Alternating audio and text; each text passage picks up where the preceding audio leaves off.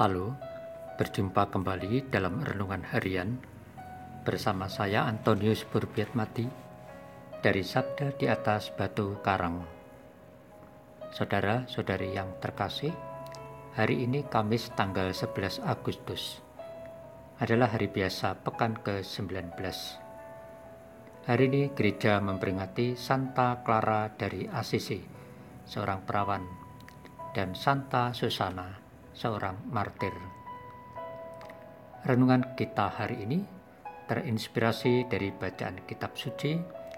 Bacaan pertama diambil dari kitab Yeskiel pasal 12 ayat 1 sampai dengan 12 dan bacaan Injil suci dari Injil Matius pasal 18 ayat 21 sampai dengan pasal 19 ayat 1. Mari kita siapkan hati kita untuk mendengarkan sabda Tuhan yang akan dibacakan oleh Saudari Monica Rosa dari Paroki Kristus Raja, Katedral Keuskupan Tanjung Karang. Sekali peristiwa, datanglah Petrus kepada Yesus dan berkata, "Tuhan, sampai berapa kali aku harus mengampuni saudaraku?" Jika ia berbuat dosa terhadapku. Sampai tujuh kalikah?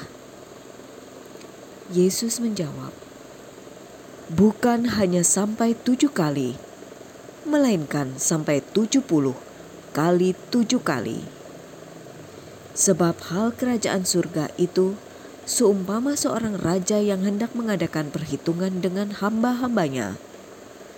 Setelah itu mulai mengadakan perhitungan, dihadapkanlah kepadanya seorang yang berutang sepuluh ribu talenta.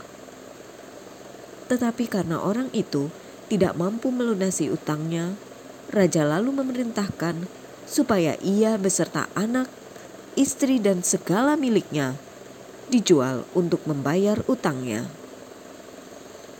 Maka bersujudlah hamba itu dan menyembah dia. Katanya, "Sabarlah dahulu." Segala utangku akan kulunasi. Tergeraklah hati raja oleh belas kasih akan hamba itu, sehingga hamba itu dibebaskannya, dan utangnya pun dihapuskannya. Tetapi ketika hamba itu keluar, ia bertemu dengan seorang hamba lain yang berutang seratus dinar kepadanya. Kawan itu segera ditangkap dan dicekik Katanya, bayarlah utangmu. Maka sujudlah kawan itu dan meminta kepadanya, Sabarlah dahulu, utangku itu akan kulunasi. Tetapi ia menolak dan menyerahkan kawannya ke dalam penjara sampai semua utangnya ia lunasi. Melihat itu, kawan-kawannya yang lain sangat sedih lalu menyampaikan segala yang terjadi kepada tuan mereka. Kemudian raja memerintahkan memanggil orang itu dan berkata kepadanya, "Hai hamba jahat, seluruh utangmu telah kuhapuskan oleh karena engkau memohonnya. Bukankah engkau pun harus mengasihani kawanmu seperti aku telah mengasihani engkau?" Maka marahlah tuannya dan menyerahkan dia kepada Algojo-Algojo sampai ia melunasi seluruh utangnya. Demikian pula Bapakku di surga akan berbuat terhadapmu. Jika kalian tidak mengampuni saudaramu dengan segenap hatimu. Setelah Yesus selesai dengan pengajarannya, berangkatlah ia dari Galilea dan tiba di daerah Yudea di seberang Sungai Yordan.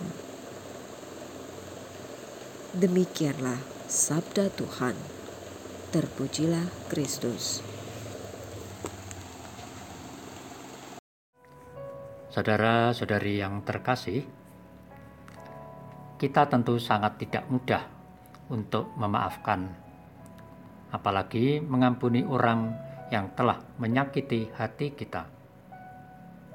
jika ada yang menyakiti hati kita, kita lebih sering membalasnya. Jika berani secara fisik, ya diajak berkelahi. Kalau tidak mampu secara fisik, ya biasanya dalam hati kita hanya memendam, mengumpat, atau bahkan mengutuknya. Kalau sikap kita demikian, lalu apa artinya kita menjadi murid atau pengikut Kristus?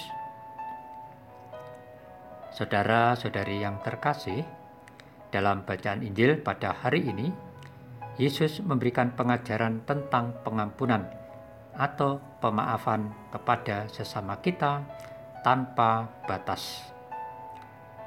Kepada Petrus, Yesus mengajak untuk menyadari bahwa sebagai murid Tuhan, tidaklah pantas untuk memperhitungkan kesalahan atau dosa-dosa yang dilakukan oleh saudara kita.